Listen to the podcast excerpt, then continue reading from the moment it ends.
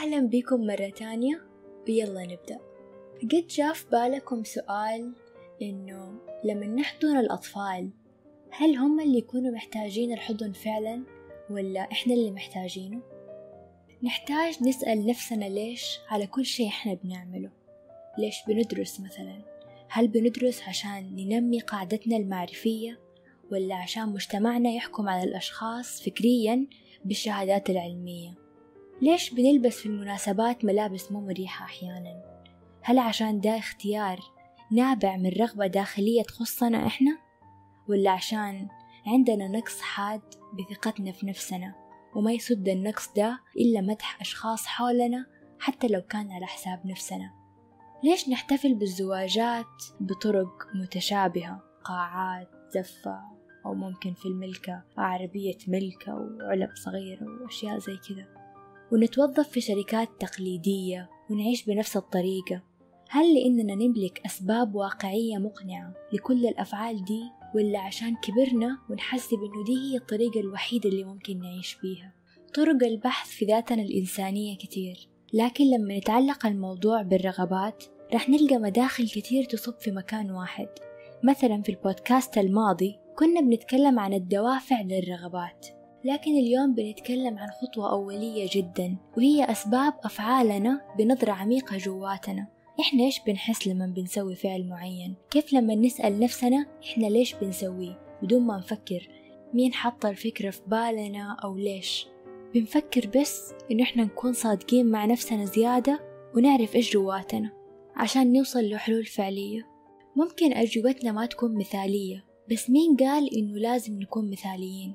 يكفي إننا نكون صادقين مع نفسنا بالمقام الأول. ومن هذه النقطة نقدر ننطلق ونبني كل شيء.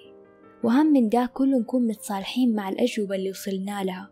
ونكون أخذنا أول الخطوات في معرفة ذاتنا الإنسانية. في البداية مو لازم يكون في جواب لكل سؤال. ممكن يكون الجواب عبارة عن دهشة أو مجرد تفكر. أو على الأقل تكون النتيجة إننا ننفي جواب سابق اعتنقناه بدون تفكير. ونسيب مكان الإجابة فاضي إلى حين ونسمح لنفسنا نمارس أكثر شيء نخاف منه. التفكير. لما نبدأ نفكر في الأسباب الحقيقية لأفعالنا راح تواجهنا شوية عوائق بسبب الفكر الجمعي زي المناداة بشكل مبالغ فيه وغير واقعي للتضحية. لما نفكر في الموضوع راح نعيد تفسير مصطلحات كتير زي العطاء والتضحية والأولويات. في فكرنا الجمعي راح نلقى جمل كتير بصيغة اتهام زي انت تحب مصلحة نفسك أو انت بتساعديهم عشان ليكي منفعة من الموضوع. خلينا نتفق اتفاقين صغيرة الاتفاق الأول إننا إذا ما حطينا نفسنا في مكان عالي واضح في أولوياتنا عمرنا ما رح نقدر نعطي اللي حولنا أي شيء وعمره ما رح يكون احترامنا لذواتنا عالي ومستقر.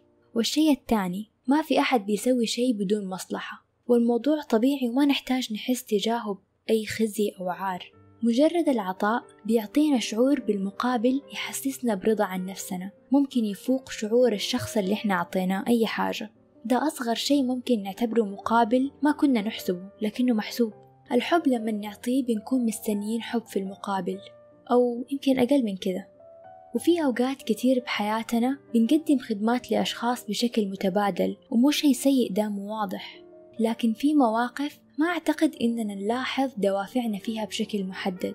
كم مرة شفتوا أشخاص مقربين أو أصحاب بيضايقوا بعض بتصرفات تحت مسمى القرب أو الحب أو المعزة؟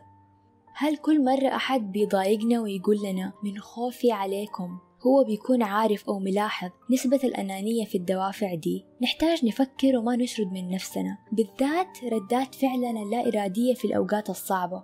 راح تكون دي التصرفات زي المفاتيح عشان نعرف نفسنا. إيش بنسوي وإحنا في الحد الأعلى من المشاعر؟ مثلا إيش بنسوي وإحنا في قمة الغيرة؟ أو قمة القلق؟ أو قمة عدم الأمان أو الخوف؟ هل بنكذب؟ بنختفي؟ ولا بنرمي اللوم على أول شخص قدامنا؟ وإيش سبب الأفعال دي؟ إذا كان كذب مثلا هل كانوا اللي حولنا وإحنا صغار ما يوقفوا انتقادات وكل شيء بنسويه بيقولوا لنا عليه أشياء مو حلوة؟ ألين صرنا نتفشل؟ لين صار الكذب وسيلتنا للظهور بشكل أفضل وكبر الموضوع معانا؟ نفكر بالطريقة دي ونحاول نوصل للجذر عشان نحله. ممكن نحط في دي اللحظة أي شيء في بالنا ونقيس عليه. طيب إيش المشكلة إذا ما عرفنا غايتنا من كل تصرفاتنا؟ وكيف ممكن نستفيد من معرفتها؟ عدم معرفتنا للغايات تخلي نظرتنا مو واضحة للمستقبل وخياراتنا تصير مهزوزة وتوقعاتنا من الناس تكون مو منطقية ونعيش بالدوامة دي. نتوقع من نفسنا أشياء مستحيلة ولما ما نسوي ده الشيء الرهيب نحس تجاه نفسنا بشعور سيء. ولما نتعامل مع الناس نطلب منهم نفس المعايير ونحس بخيبة أمل لما ما تتحقق هذه الرؤية. ممكن الموضوع ده ما يخلي الحياة في قمة ورديتها بس راح يخلي الحياة مستقرة ومريحة جدا. خلينا دحين نحاول نقول الموضوع بالمختصر أو إيش الفكرة اللي بحاول أوصلها. نحتاج نعرف نفسنا. كيف نعرف نفسنا؟ من كل شيء فيها من تصرفاتها إيش في جوتها كل شيء نقدر نمسكه ونلاحظه. ومن أقوى دي الأشياء اللي نقدر نتصرف بيها هي حكاية ردات فعلنا. لما نعرف ردات فعلنا بالذات اللاواعية حنعرف مين الشخص ده اللي جواتنا. وكمان نبغى نكون نحن مو قاسيين على نفسنا. فنعرف إيش الواقع. مو لازم يكون مرة مثالي. بس نعرف إحنا إيش قاعدين بنسوي. نلاحظ الأشياء الكويسة اللي إحنا بنسويها. وحتى الأشياء اللي ممكن ما تكون رهيبة نفهم ليش إحنا بنسويها ونحاول نعدلها. عشان نفسنا قبل ما يكون عشان أي أحد تاني. وكمان لما نركز على الدوافع حنكون بنتأمل في كل شيء حولنا. تصرفات الناس تصرفات الأطفال. إحنا إيش بنسوي؟ إحنا إيش نبغى فعلا؟ حنوصل لدا السؤال. إحنا إيش نبغى؟ حنلقى الجواب بالتالي. حنعرف إحنا إيش نبغى لما نعرف إحنا مين لما نعرف نفسنا أكتر. رح نوصل للجزء الصافي اللي فينا بدون الشوائب اللي قاعدة تصير مع السنين. ومعرفتنا لنفسنا رح تختصر علينا أشياء كتير ممكن طرق كتير ممكن نعدي فيها بالحياة. وظائف علاقات آه، أشياء اجتماعية إحنا ممكن نكون بنسويها. أو حتى أشياء بنصرف فيها فلوس كتير وهي ما تعنينا أبدا. نحتاج نعرف إيش نبغى فعلا وحابة أختم بشيء أحب أسميه اعتقاد المرحلة أو أفكار المرحلة. أسمى شيء ممكن نعيش حياتنا في سبيله هو إننا نعمل لتحقيق سبب وجودنا على هذه الأرض. وإذا ما كنا عارفينه للآن هذا السبب فأشرف شيء ممكن نعمله لآخر يوم في حياتنا هو إننا نبحث عن السبب هذا. وفي النهاية تصبحوا على خير أو تمسوا على خير. أتمنى يكون البودكاست عجبكم أو بيفيد لو شخص واحد فيكم. إذا حابين شاركوني آه، اعتقادات المرحلة أو أفكار المرحلة الحالية اللي أنتوا بتعيشوها. وإذا عجبكم البودكاست آه، حطوا لي like عشان أعرف إنه عجبكم وأكمل.